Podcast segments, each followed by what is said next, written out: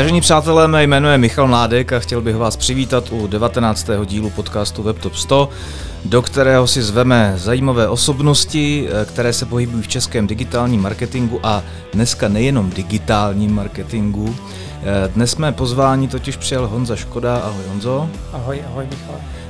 Honza je šéf marketingu velmi známé české logistické společnosti Hopy, respektive celého Hopy Holdingu který přesahuje i do potravinářství a zemědělství a najdeme tam mimo hopy, tak tam najdeme zajímavé brandy, jako je třeba Holandia nebo Perfect Canteen Filipa Sailora a tak dále. No a já jsem si uh, Honzu pozval právě proto, že bychom zde mohli trošku poodkrýt, jakou roli dnes vlastně digitální aktivity znamenají pro firmy, které fungují v takhle tradičních oborech a odvětvích kam se jejich důležitost vlastně posouvá, zdali se někam posouvá, jaký jsou vize do budoucna a jak se vůbec míchá takový ten marketingový mix, když jako Honza hovoříte do několika různých a zdánlivě odlišných subjektů či značek. A začněme asi úplně nejjednodušeji, co to jde, to znamená vysvětlení tvojí role v holdingu, co vlastně všechno máš na starosti, co to vlastně znamená být CMO takovýhle firmy? Jo, eh, tak díky Michale. Moje role v rámci eh, skupiny Holding je koordinovat a řídit veškeré marketingové aktivity napříč. Já bych se chtěl jenom vrátit k té šíři a velikosti samotného Hopy Holdingu. My tam máme jednu z těch klíčových a, a velmi neobvyklých věcí je to, že jsme stále rodinná firma. To znamená, že celý Hopy Holding je český. Zakladatelem je František Piškanin a David s Martinem, jeho synové, v poslední době e, společnost e, vedou. Tím, že máme skoro přes 5000 lidí v šesti zemích a, obrat e, řádově 400 milionů euro, a, a navíc se pohybujeme, jak si správně řekl, od kontraktační logistiky až po zemědělství, tak je ta škála záběru a disciplín velmi široká. A mým úkolem je právě poskytovat tuto sdílenou službu napříč všem těm ceřiným společnostem, kterých je dohromady 12. To znamená, já uh, sám uh, sobě si tu moji roli překládám jako, že jsem agentura uvnitř velké, uh, velké firmy, která poskytuje ty služby napříč. Mm-hmm. Co všechno obsahuje ten marketingový mix celého holdingu? Tak já bych to chtěl nejdřív rozdělit na dvě oblasti. A to je firmy podnikající na úrovni B2B, kde to finální publikum nebo ta, ta target group, to je vlastně B2B eh, eh, zákazník a potom jsou to společnosti, které se pohybují v B2C levelu. V rámci B2B tak budeme u té logistiky, u té kontraktační, kde eh, Spolu s obchodem a hlavně s eh, majiteli dáváme dohromady tu strategii, eh, jak budeme profilovat eh, ten brand jako takový. To znamená, to je nějaká ta biznisová linka, kde máme nějakou tu podpůrnou roli. A potom je to zároveň neméně důležitá záležitost a to je tvorba employer brandu a to, jak působí značka na ty naše zaměstnance, protože v logistice to je o hodně lidech a ta, ta role té lidské práce tam má svůj, svoje místo, proto uh, tam je ten velký zřetel i na uh, employer branding a HR marketing jako takový. Mm-hmm. Když to vezmeme z hlediska, přece jenom jsme podcast primárně o digitálním marketingu, jakou roli tam e, zabírá momentálně ten digitální svět u vás, ať už se to týká logistiky nebo zemědělství nebo čehokoliv jiného? Kde začít? Já, já, to popíšu, eh, já to popíšu nebo rozdělím to zase na dvě části. A to je ta eh, část eh, provozní, to znamená snažit se digitalizovat celý ten proces, jak buď to služby v té logistice nebo digitalizovat výrobu, ať už třeba v produkci, produkci těch jogurtů nebo eh, při eh, zpracování mléka eh, na farmě, nebo je to potom samotná digitalizace toho zobchodování těch produktů, jako je tomu třeba v gastrodivizi u Filipa Sailera v rámci delivery služby Eat Perfect.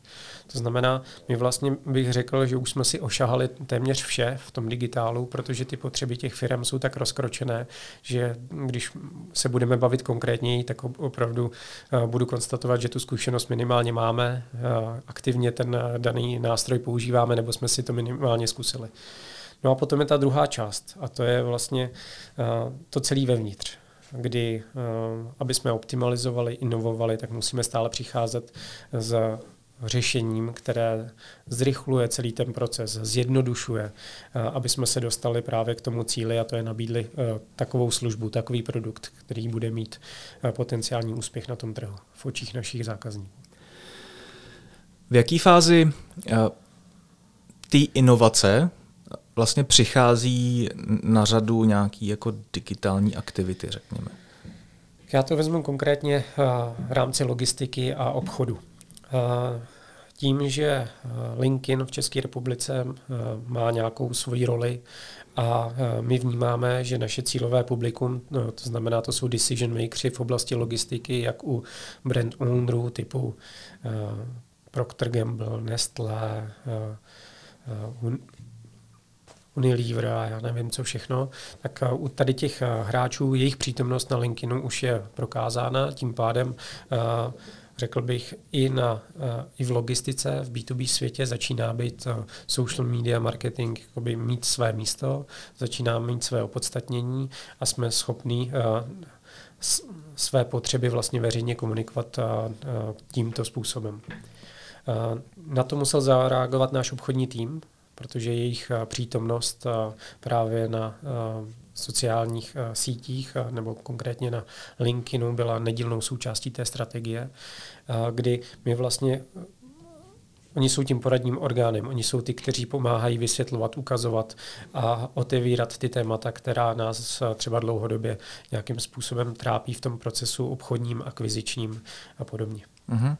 Já se to, já se uh, teďka zastavím chviličku právě u toho kombinování social media marketingu a v obchodníků. Jak, jak velký dneska máte vlastně v obchodní tým? My máme ten tým rozdělený uh, na dvě části. První část ta se stará o takzvané nové akvizice, to znamená, to je ten nový potenciál, to je, eh, to je ten business development, řekněme. A ta druhá, ty jsou ty, jsou ty kteří komunikují s těmi stávající zákazníky, případně řeší, řekl bych, příležitosti na úrovni toho stávajícího portfolia. Je to přes 10 lidí v České republice, když budeme se bavit napříč, napříč celým Hopi Holdingem, tak jenom v logistice, kde, kde jsme v pěti zemích, tak tam to bude 30 lidí. Jak když to vztáhneme právě na tu logistiku, což bude asi jako ten ne asi, ale určitě ten nejsilnější jako obratový prvek celého holdingu, a, tak a, to je biznis, který já považuji za strašně vztahový, že to bude jako hodně o tom, kolik znám lidí, jaký znám lidi, jak dlouho je znám a jak jsem těm lidem, který znám, sympatický.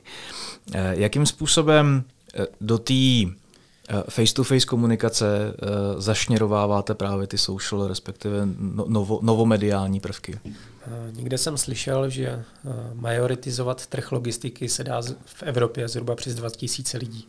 To znamená, je asi 2000 decision makerů, který by byli schopní, kdyby jsme je ulovili, tak majoritizovat trh celé logistiky.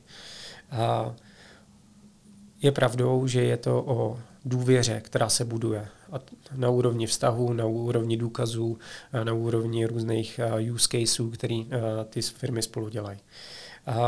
Ta role LinkedInu je imidžová na začátku, kdy za, staré, za starých dob, když náš obchodník šel na jednání, tak vlastně musel trávit první třetinu toho meetingu, aby té protistraně ukázal vlastně to, co jsme všechno udělali, co je u nás novýho a kam, kam míříme.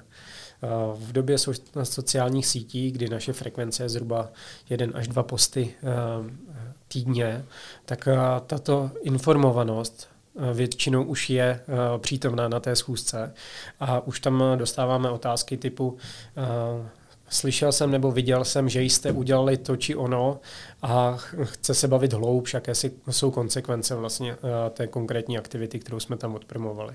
Znamená, je to nějaký takový briefing, kdy my vlastně dáváme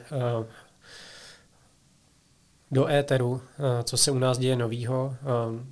Ta cílová skupina si to sezbírá a potom tam dochází k té aktivní diskuzi. Protože počet minut strávených u toho mobilního zařízení, prostě jak nám roste, tak my můžeme to využít k tomu, aby jsme informovali již předem ty naše partnery o tom, co se u nás děje. Snažíte se ty partnery nějakým způsobem přímo tlačit do těch vašich komunikačních kanálů, ať jste si vlastně jako jistý, že ty jejich oči ulpy na těch novinkách, které někde sdílíte. A ještě do toho dám pod otázku, jestli nějakým způsobem briefujete ty obchodáky, respektive ty lidi, kteří jsou uh, customer facing, k tomu, aby s těma sítěma pracovali aktivně. Tak já začnu tou druhou otázkou a to je uh, změnit vlastně ten mindset toho obchodního týmu, že jejich přítomnost a aktivita na sociálních sítích je žádoucí z toho hlediska, že jim to bude zjednodušovat jejich práci. To je vlastně ten stěžejní prvek, protože ve chvíli, kdy uh, ti dotyční nenakoupí tu potřebu té přítomnosti, tak můžete vytvářet povinnosti, opatření a tak dále, ale stejně ta, to fungovat nebude. Znamená, první je vlastně eh, dokázat to, že to má smysl.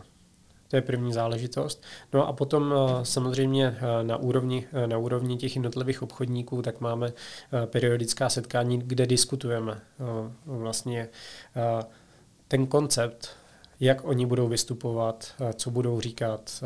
Protože no, ono, kromě toho, že prodávají službu nebo produkt, tak oni, side effect celého toho je, že oni mají vlastně i ten self-brand building na té síti. To znamená, že přidanou hodnotou vlastně pro ty naše obchodníky je to, že jim pomáháme se zviditelňovat a budovat tu jejich značku osobnosti. Setkal se za těch posledních pár let s nějakým jako odporem k těmhle těm novým technologiím? V každém týmu eh, to je eh, rozdělený na nějaký takový early adapters, potom ty, kteří jsou eh, fast followers a potom ty, kteří mají určitou rezistenci. Uh, to je v každém týmu a já bych neřekl, uh, nebo lhal bych, kdyby uh, jsem neřekl, že jsou stále lidi, kteří, kteří v to nevěří. A bude trvat nějaký čas, než do toho doběhnou a řeknou, OK, tak tohle je, tohleto je záležitost, která je nutná, protože když to nebudu dělat, tak vypadnu z kola. Ale ten, ten prodej nebo obecně ta role těch obchodníků a ten způsob jejich práce je natolik individuální na úrovni, řekl bych, account manažerů a vejš, že nechtěl bych z toho vytrhnout právě tu duši. A to je to, že každý to chce dělat trošičku po svém. A uh, kdyby jsme to příliš standardizovali, tak by to uh, kouzlo z toho uniklo a ta důvěryhodnost by se ztratila. To znamená, jsou to čistě zase marketing hraje poradní orgán pro ty lidi, říká jim, jak to funguje s velkýma značkama, ukazuje jim, kudy, kudy teče ten trend a oni si z toho něco vezmou a tím vytvoří, řekl bych, nějakou kombinaci toho, co my jim nazdílíme a mají tam vždycky vlastní ještě v tom nějaký vstup. Dáváte v rámci Hopi Holdingu těm obchodákům nebo, nebo komukoliv, account manažerům, projektákům, eh, do rukou další nějaký nástroje a zbraně pro to, aby jejich eh, komunikace s tím koncovým zákazníkem byla jednodušší a bavme se samozřejmě o různých jako obchodních platformách, jestli něco takového využíváte nebo ne. Tak eh, jak jsem říkal, ta kontraktační logistika, to jsou víceleté, to jsou víceleté smlouvy z, o velkém objemu palet, toku zboží a tak dále. Příkladem eh, třeba eh, loňský rok jsme eh, podepsali smlouvu s Nestlé, což je náš obchodní, obchodní případ roku. Postavili jsme, postavili jsme sklad pro 40 tisíc palet v Prostějově. Ten příběh se loni podepsal, ale už začal deset let předtím, kdy poprvé společnost Nestlé nás pozvala do tendru. To znamená ten, řekl bych, začátek eh, toho honu na toho zákazníka, když to takhle nazvu, a potom ta samotná konverze, tak to bylo opravdu jako na dekádu. Ale taky je to největší, největší potravinářská firma na světě a logistik je vlastně velmi blízko toho srdce té společnosti a oni musí velmi dobře zvážit, koho si pustí takhle blízko, aby to neohrožovalo eh, ten jejich podnikatelský záměr a ten rozvoj a tak dále. Mhm. Já mířím tam, že eh, se kolem mě objevují čím dál tím více případy a příklady z reálné praxe, kdy společnosti, které jsou hodně zaměřený, vlast, který, který jsou hodně B2B, jako jste vy, který uh, mají ho, hodně nataženou tu dobu toho vztahu s tím zákazníkem od nějakého prvního oťukávání po reálný uzavření biznesu a nějakou péči o to, tak přesto, že ta emoce a ta hlava a, ty, a ta pusa tam hraje furt jako obrovskou roli v tom obchodním vztahu, tak se vlastně jako dostávají do fáze, kdy se snaží obrovskou část toho procesu nějakým způsobem zautomatizovat. Jo? To, znamená, to znamená, když potřebuji nový místo na skladu, tak to můžu řešit prostě přes nějakou aplikaci a nikoliv nutně přes nějakého projektáka nebo accounta. Eh, dávám-li správný příklad, nevím, neznám ten biznis, bude to něco podobného.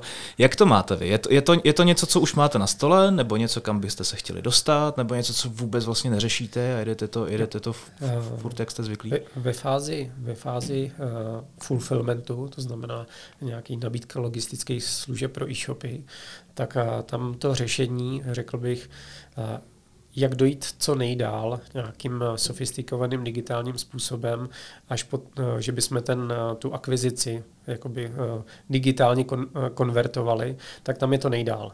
Nicméně při té kontraktační logistice uh, tam je to na denní bázi jsou ty změny. A ty, ty změny na denní bázi, ať už to rozsah skladovaných palet, mimořádný dopravní linky, jiný, jiný způsob nebo jiná práce v úro, na úrovni value edit services neboli služby s přidanou hodnotou, když jim děláme ty SRP, což jsou, což jsou ty displeje, kteří třeba třeba velikonoční a tak dále, kde, jsou, eh, kde, kde je to sekundární, sekundární vystavení, tak to jsou záležitosti, které se musí řešit jako face to face nebo na nějakých eh, operativních eh, poradách, protože to ten digitál těžko unese. Nicméně v oblasti toho fulfillmentu a těch e-shopů, tak tam minimálně, když se podíváme na Shipmonka, tak ten je relativně daleko, ale stále nevěřím na úrovni eh, Evropy tomu, že bychom byli schopní, řekl bych, eh, dojít tak daleko, že by v současné době nám eh, padnul jako závěrem toho procesu digitálního, že by nám padnul jenom mail, kde by bylo napsáno hotovo, podepsáno a příští týden vám přejede 30 palet a bude to mít tedy ten mix. Tam ještě nejsme. Já myslím, že eh, blízká budoucnost eh, tohleto řešení nabídne, kdy opravdu logistickou službu si budeme moct nakoupit online, ale je to o vyspělosti poskytovaných dat ze strany zákazníka. Jo, to znamená takzvaná master data, nebo ty data, které on dává do toho tendru nebo do toho akvizičního procesu, tak by musela sedět jen jako jedný s realitou. A to je tak, dynamická, to je tak dynamický pohár, že ve chvíli, kdy vy budete schopni jako v reálném čase tu dynamiku sdílet eh, s tím poskytovatelem té služby, tak potom i to nacenění bude jako v reálném čase možný. Ale to je velmi jako hypotetická otázka, protože ty ta, ta rychlost a dynamika té změny eh, těch master dat je tak vysoká, že vy to vždycky naceňujete k, eh, řekl bych, nějakému datu, k nějakému momentu, eh, k nějakému excelovskému souboru, no ale uplynou tři měsíce a ta realita může být jiná. Uh-huh. Jak moc je pro vás vlastně jako důležitá ta, eh, řekněme, vertikála toho e-commerce fulfillmentu? Eh, to znamená těch e-shopů, těch několika desítek tisíc e-shopů, které v tom regionu jsou, který nějakým způsobem můžou začít využívat ty vaše služby. Je to něco, co jste otevřeli nějak poměrně nedávno, mám takový pocit. Eh, pro, a... nás je to, pro nás je to novinkou. My vlastně tuhle tu službu nabízíme zatím pouze v Hopy Polsko, kdy ve chvíli, kdy to tam odpilotujeme, ten projekt a tak dále, tak ho budeme rolovat eh, napříč. Eh, všechny ty data samozřejmě vidíme, ta stále zvyšující se důležitost a přítomnost právě těch e-shopů napříč a umět poskytnout tu logistickou službu v takto fragmentovaném prostředí je pro nás z dlouhodobého hlediska žádoucí, ale ta majorita je nyní v té takzvané kontraktační logistice, respektive v rychlobrátkovém zboží.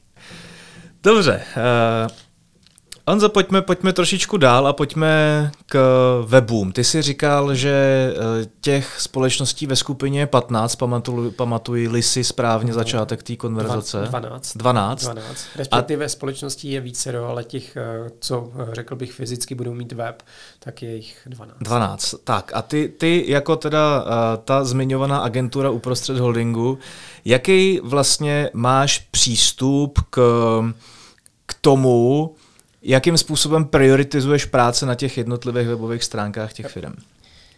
Že uh, 90% těch webů vzniklo u nás. To znamená v tom centrálním marketingovém kokpitu, jak my to říkáme. Uh, spolu s tím lokálním týmem ho dostaneme do té úrovně 1.0, kdy jsou obě dvě strany spokojené a, a launchujeme ho. Následně si rozdělujeme ty role tak, že lokální tým spravuje aktuálnost obsahu a centrální tým dělá uh, hlubší zásahy mimo, řekl bych, nebo složitější věci v rámci redakčního systému a nebo nějaký další development. Promiň ještě, lokální tým rovná se tým, který spadá pod tu konkrétní určitou značku a centrální tým Přesně rovná tak. se Přesně celý tak. holding, jo? OK. Uh, dobře. Tak, uh, jak často se stává, že přicházíte s nějakým jako masivním redesignem, eh, který značí vlastně jako novou generaci eh, vaší online komunikace? Já bych řekl, že eh, nám to zastává v režimu tak jednou za pět let. Jednou za pět let, OK.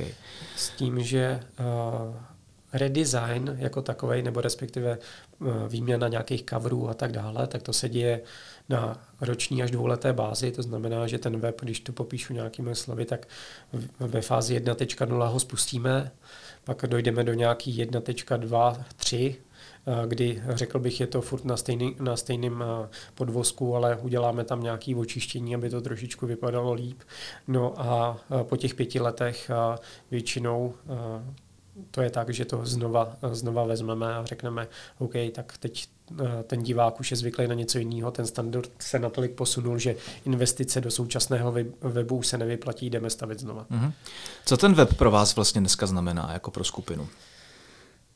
Tak uh, role v zemědělství to je úroveň, eh, to je úroveň, řekl bych, zlatých stránek, kdy ta existence je, supluje tu, ty zlaté stránky, ale zároveň je to taková výkladní skříň, která říká, eh, jaký technologie, jaký tým, jaký k tomu máme přístup. Ale je to čistě prezentační role. V rámci potravinářství, a teď ne gastro, ale toho foods, to znamená výroby potravin, tak tam my jsme, eh, řekl bych, přítomní kvůli brand buildingu a obecně té komunikaci a snažíme, ale nemáme tam tu finální konverzi, protože zatím, řekl bych, šíře portfolia a specifika, specifika těch daných produktů nám neumožňují zasílat ten produkt do detailu, to znamená, že bych to jogurt zabalil eh, do krabice od DPDčka nebo nějaký podobný parcel služby a poslal eh, do detailu, tak to zatím je nereálný. Mohlo by to i zajímavý. Párkrát jsem to zkusil do Německa z nějakého důvodu a vždycky to přijde v takovém stavu, že jim potom musím eh, slovně popisovat, jak, eh, jak to vlastně vypadalo, když to startovalo od nás. Takže tohle to zatím eh, eh, je eh, ekonomicky nereálný. No a potom v tom gastru, tak ten covid zahrál tak významnou roli, že spousta vlastně společností, těch restaurací, tak začaly dělat nějaký delivery, začaly vařit do krabiček.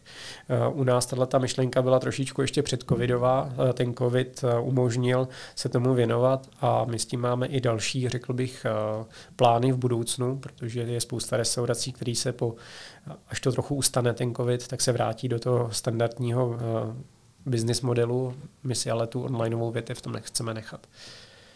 Aha. No a v té logistice, uh, tak uh, tam, tam je to taky uh, dvojí. To znamená, je to o customer servisu, to znamená ty, co s náma dělají, tak když je to firma, která má třeba 1500 eh, lidí, eh, tak často, když má ten zákazník nějaký, eh, nějaký problém a, nebo se naše auto objeví někde, tak je to takový, je to takový bod, kde nás i zvenčí můžou kontaktovat a, a zároveň, zároveň je to místo, kde lidi sbírají ty poslední věci, novinky a tak dále. Zároveň pro interní účely, tak my máme spoustu spoustu takových mikrosite, který slouží jako jediný aktuální zdroj informací, to nazvu. Tak, abych byl schopen z Rumunska do Německa dát, řekl bych, jeden prostor, eh, který vlastně zvenku je přístupný a můžou si tam stáhnout to správné logo, tu správnou poslední prezentaci společnosti a tak dále. Znamená, je, je to i jakoby eh, ven na sdílený eh, prostor, kam si chodí pro ty aktuální věci. Jasně. Ty jsi na začátku zmiňoval, že velmi důležitým aspektem celé tvý práce je vlastně employer branding a employer marketing. A ma, já jsem tady shodou okolností eh, dva týdny zpátky měl Petra Skondroanise, který dělá Kokumu a e, zajímá mě, jakým způsobem vlastně k té zaměstnanecké komunikaci přistupujete vy, jestli e, to všechno cpete na jeden ten centrální web, nebo to máte roztroušený po nějakých e, fancy e, ale Kokuma style e, Microsoft mikrosajtách nebo děláte něco svýho? Jak to, jak to řešíte?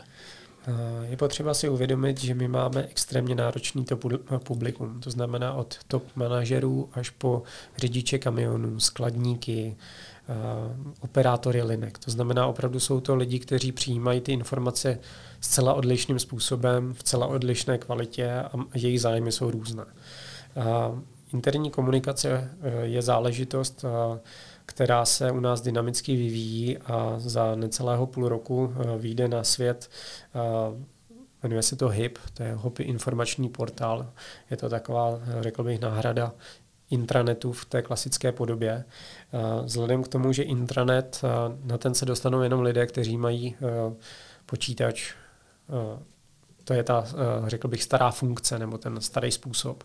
Nicméně my jsme si vědomi toho, že musíme ty informace být schopní v reálném čase dát i lidem, kteří nám sedí v tom kamionu někde, eh, někde na odpočívadle, potřebují se podívat, jak jsou, jak jsou na tom s počtem dovolených a jak, a taková ta, řekl bych, i ta operativní komunikace směrem k tomu zaměstnanci, aby byla v tom reálném čase dostupná. Proto vytváříme něco, co bude, eh, co bude na eh, chytrých telefonech, nějakou aplikaci, která jim umožní s náma žít.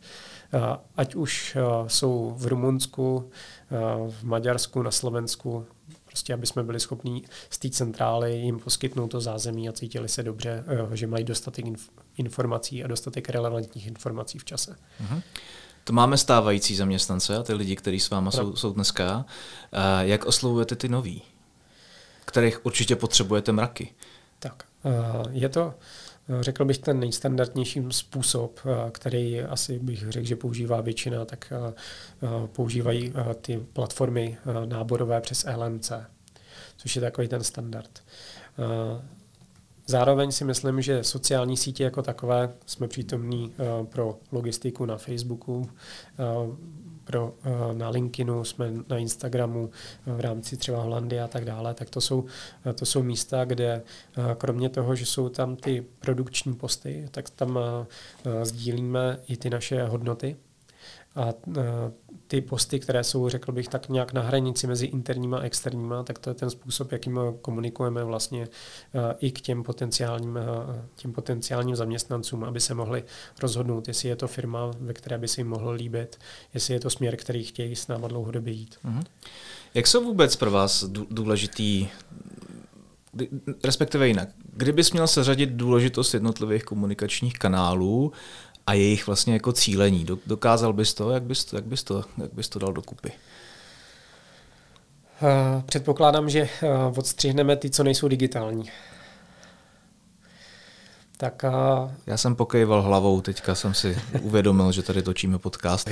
Takže když ostříhneme, když, když ostříhneme ty uh, osobní, protože uh, u zrovna v employer brandingu i v obchodě a tak dále, tak já myslím, že reference typu doporučení, tak to je ještě věc, která funguje hodně dobře.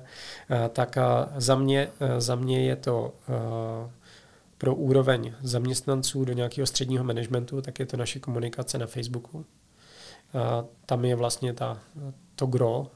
Jsou to potom i způsob, jakým píšeme ten copywriting, kterým píšeme ty naše posty v rámci práce CZ, Jobs a tak dále.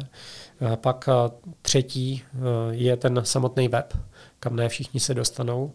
A to je z těch externích. Způsobu komunikace, který nějaký máme. Samozřejmě říkám, ne, nemus, nemůžeme do toho zohlednit věci jako outdoorovou reklamu a tak dále a tak dále, protože tím, že jsme mimo jiné i dopravci a máme spoustu kamionů, tak to jsou metry a metry čtvereční, které můžeme použít k nějaké komunikaci.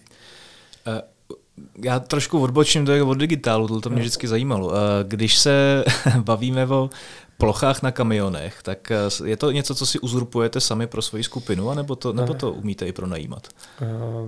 Naše, naše stanovisko k tomu je takové, že si to držíme, neprodáváme to a maximálně, když je tam nějaká synergie na úrovni skupiny, eh, tak jsme schopni tu plochu půjčit. Jo. Eh, každopádně externím firmám eh, tuhle tu možnost nedáváme. Je to mocné médium, které si chceme nechat pro sebe. Je mi to úplně jasný. Um, já mám takový pocit, že jsme to možná řešili spolu, možná už, už, už si to nepamatuju, jak je to docela dlouho, ale mám takový pocit, že jsme se bavili kdysi dávno o nějakých náborových kampaních. Um, a padaly tam takové věci, jakože velmi explicitní cílení na lidi v rámci nějakých jako geolokací a na parkovištích eh, při pauzách povinných na cestě toho eh, kamionisty z Česka do Itálie a tak dále. Eh, pokračujete v rozvíjení těchto těch technologických pikošek směrem k náboru nových zaměstnanců a nových lidí?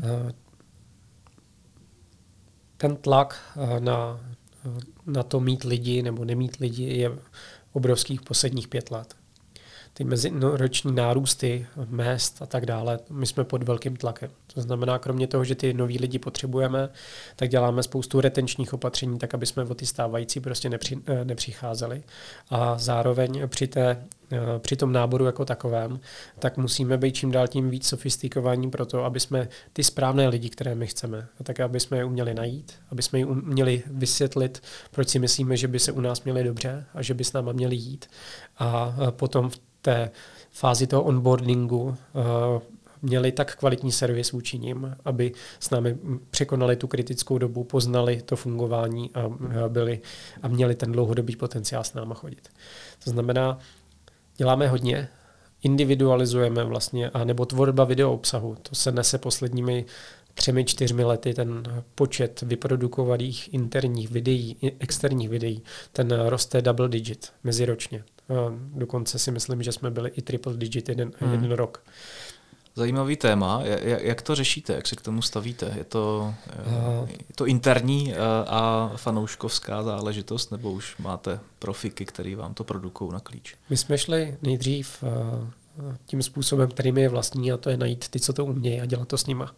To znamená, my jsme začali s profíkama. Ve chvíli, kdy to video, který je o, nemusíte sepisovat nic a vlastně za 30 vteřin vysvětlíte vše potřebné, tak to video jsme začali nějakým způsobem i částečně produkovat sami, nebo aspoň postprodukci. Necháme si točit třeba hrubý materiál od profíků a pak tu postprodukci stříhání děláme sami. To znamená, tak jak je potřeba vzrůstající eh, té skupiny a externího interního světa to video mít v co nejkratším čase a ta variabilita, tak i ten náš tým na to musel zareagovat a máme tam člověka, který prostě už, já řekl bych, tu postprodukci ovládá, tvorba titulku a tak dále. Protože další aspekt u nás je ta mezinárodnost, protože my se musíme vyvarovat tomu pragocentrismu a já vlastně všechno, co tvořím, tak je rumunština, polština, ukrajinština, maďarština a tak dále. Takže veškerý content, který u nás se vytvoří, tak já na to musím ještě zareagovat tím způsobem, že předem to musí být udělaný tak, aby mi fungoval ve všech zemích. To znamená i vybrat herce, který bude, řekl bych, eh, OK, jak pro Rumuna, tak, eh, tak pro Poláka, tak pro Čecha. Jo, je to ta mezinárodnost, na to klade taky určitý, řekl bych, proměnou, kterou musím zohledňovat, nebo musíme zohledňovat.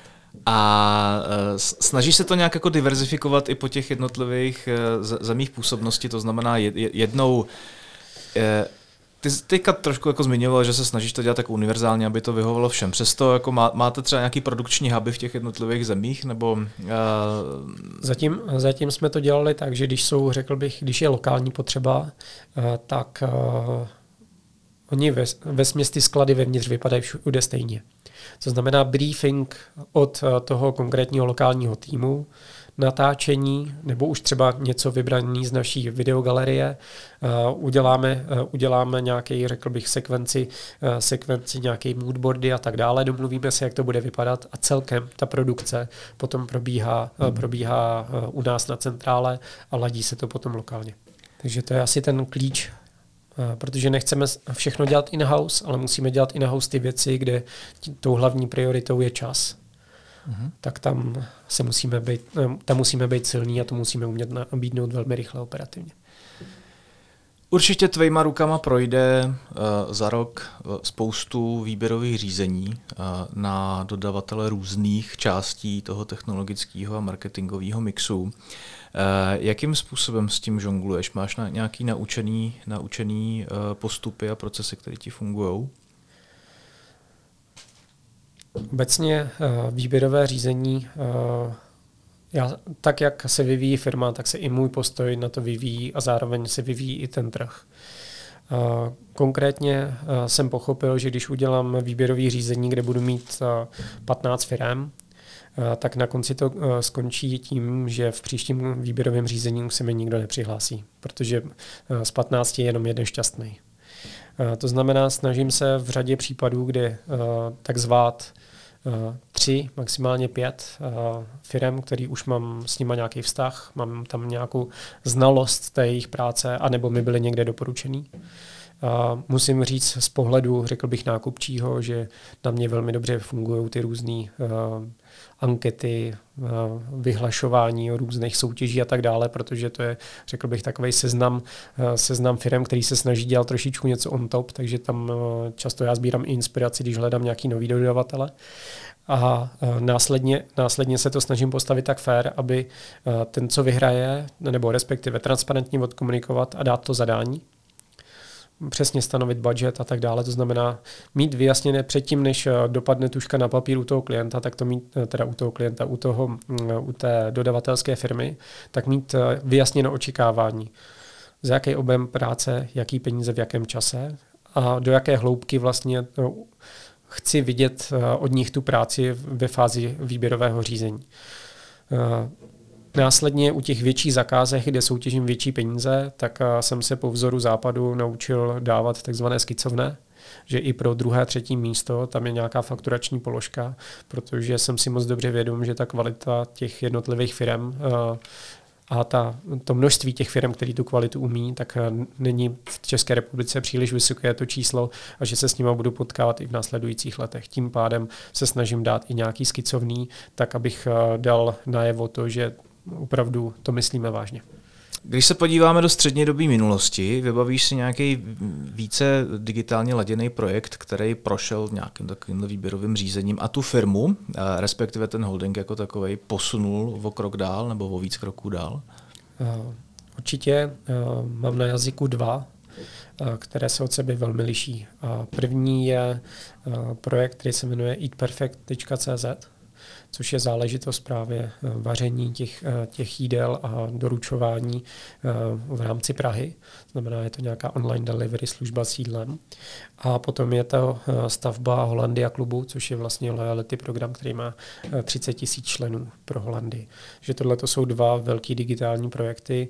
Ten první jsem realizoval zcela, u toho druhého jsem byl ve fázi jakoby konzultace, kdy ten lokální tým právě Perfect Cantiny byl tím ownerem, tím, který to celou dobu jakoby challengeoval a posouval dál a stále tím žije, protože tahle ta kompetence ta musí být naopak lo- lokální, protože to už je, řekl bych, provozní nástroj, to už je obchodní nástroj, který musí být svěřen do rukou, řekl bych, těch, kteří eh, tím denně žijou. Uh-huh. Nikoliv, eh, řekl bych, eh, jednou za čas, aby tam byla nějaká interakce s centrálou. To už musí být, řekl bych, in-house v tom lokálním týmu. Jasně. Jakým způsobem se nabere 30 eh, tisíc lidí do věrnostního programu eh, brandu, který je hodně známý, ale, ale furt je jako hodně jako monotematický. Jakým způsobem tam dostaneš vlastně eh, takovýhle penzum lidí? Tak ta firma je, má 30 let. Jo. S tou aktivitou se začalo někdy 2005 Eh, to znamená, ta báze nebyla, eh, nebyla nabírána ryze digitálně, ale šlo to, řekl bych, postupně z nějakého offlineu do onlineu, kdy tím prvním motorem bylo to, že za utržená víčka, která nám poslali obálkou, eh, tak my jsme je přepočítali, připsali jsme jim body a oni za to mohli čerpat nějaký dárky. To znamená, ta mechanika byla, pošli kus obalu, jestli asi si pamatujete, akvila body a tak dále, tak to byl, ten, to byl ten čas, kdy to dělali, řekl bych, v nějakým takovým režimu všichni.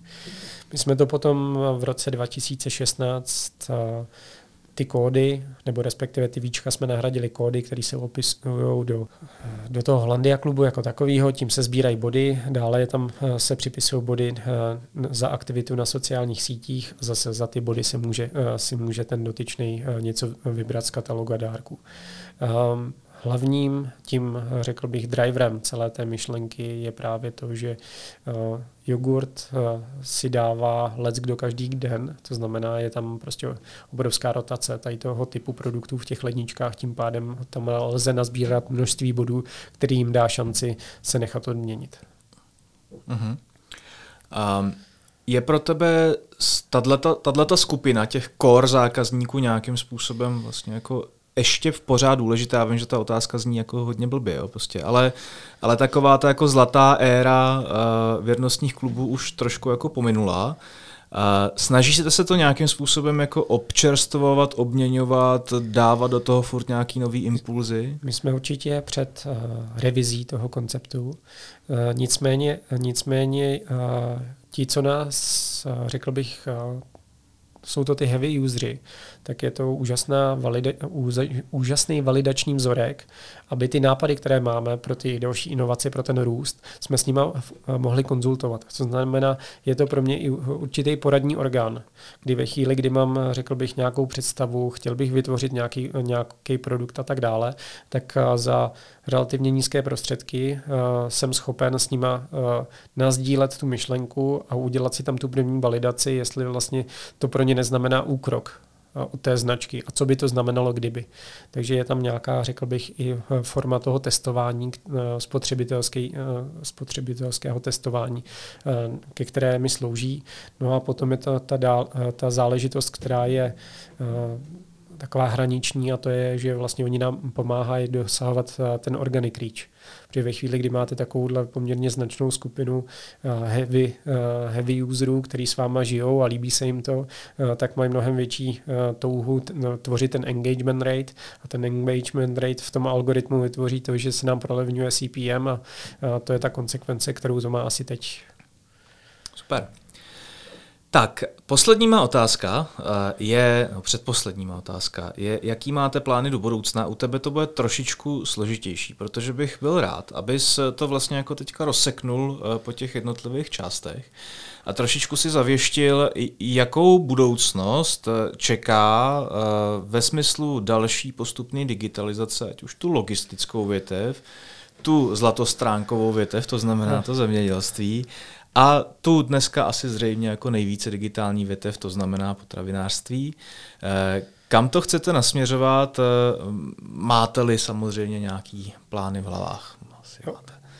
Uh, tak v rámci zemědělství obě dvě ty farmy fungují v režimu ekologického zemědělství. To znamená, my tam produkujeme mimo jiné biomléko. To znamená všechno z bio. To znamená, pro nás ten, ta vize je, že ty weby se stanou informačním hubem a bude to ta encyklopedie, kdy vlastně my pomá- budeme pomáhat vysvětlovat to, jaký je rozdíl mezi ekologickým zemědělstvím a tradičním. Prostě to, co je to bio a co je to nebio a proč to tak je. To znamená, vracíme se k tomu tématu, nebo respektive uh, téma, které tady furt v poslední době slýchám, to je ta udržitelnost, protože bio je o udržitelném zemědělství. A to je ten cíl pro ty zemědělce a pro ty naše dvě uh, firmy, aby to byli schopni vysvětlit. Protože když to lidi budou chápat, tak tím potom na ten trend můžou naskočit. Co se týče, co se týče gastronomie, tak v rámci gastronomie tam cítíme to, že digitál nám umožňuje ten dotek s tím koncovým zákazníkem jinak než v tom provozu jako takovém, v tom restauračním, ale že můžeme být, řekl bych, velmi, velmi zajímavým hráčem i v tom, i v tom delivery. Takže to je ta vize, která je na, na úrovni gastronomii. Foods, tam já se těším na to, až budeme schopni třeba i vysvítit takové zdanlivě triviální věci jako dostupnost jednotlivých typů produktů v jednotlivých krámech napříč Evropou, protože věřte mi, že to je záležitost, no, o kterou eh, já zavazuju každý den a to řešení eh, není vůbec jednoduché, tak já doufám, že v nějaké blízké budoucnosti splníme takovýhle malinký úkol. No a potom budu bedlivě čekat na takzvanou eh, online, offline konverzi a to je to, že budu umět dopočítat, že mi, nebo já ne, ale že mi to někdo ukáže to, že kolik mě bude stát, řekl bych, prodej jednoho jogurtu eh, na regálu určitého supermarketu. Jo, to znamená, že mi někdo ukáže to, že když tady dám XY korun do propagace na určitou cílovou skupinu, tak se mi to odrazí v prodejích v té konkrétní prodejně a na základě toho já budu moct eh, třeba optimalizovat tu výrobu. Takže to je nějaký, řekl bych, dlouhodobější sen. Ale je spousta různých case study, který se jako tomu snaží přiblížit, ale zatím je to těch posledních pár procent je těch nejtěžších, tak já budu bedlivě sledovat. No a v té logistice tam, jak jsem zmínil, tam jsou to dva světy a to je ten jeden, který je hodně blízko těm e-shopům a tam oni vlastně tu integraci těch dat s tím fulfillmentovým centrem, tak to už mají tak v takovém režimu plug and play, takže tam já si myslím, že my musíme být ten quick follower, který ty trendy dožene a bude schopný nabídnout.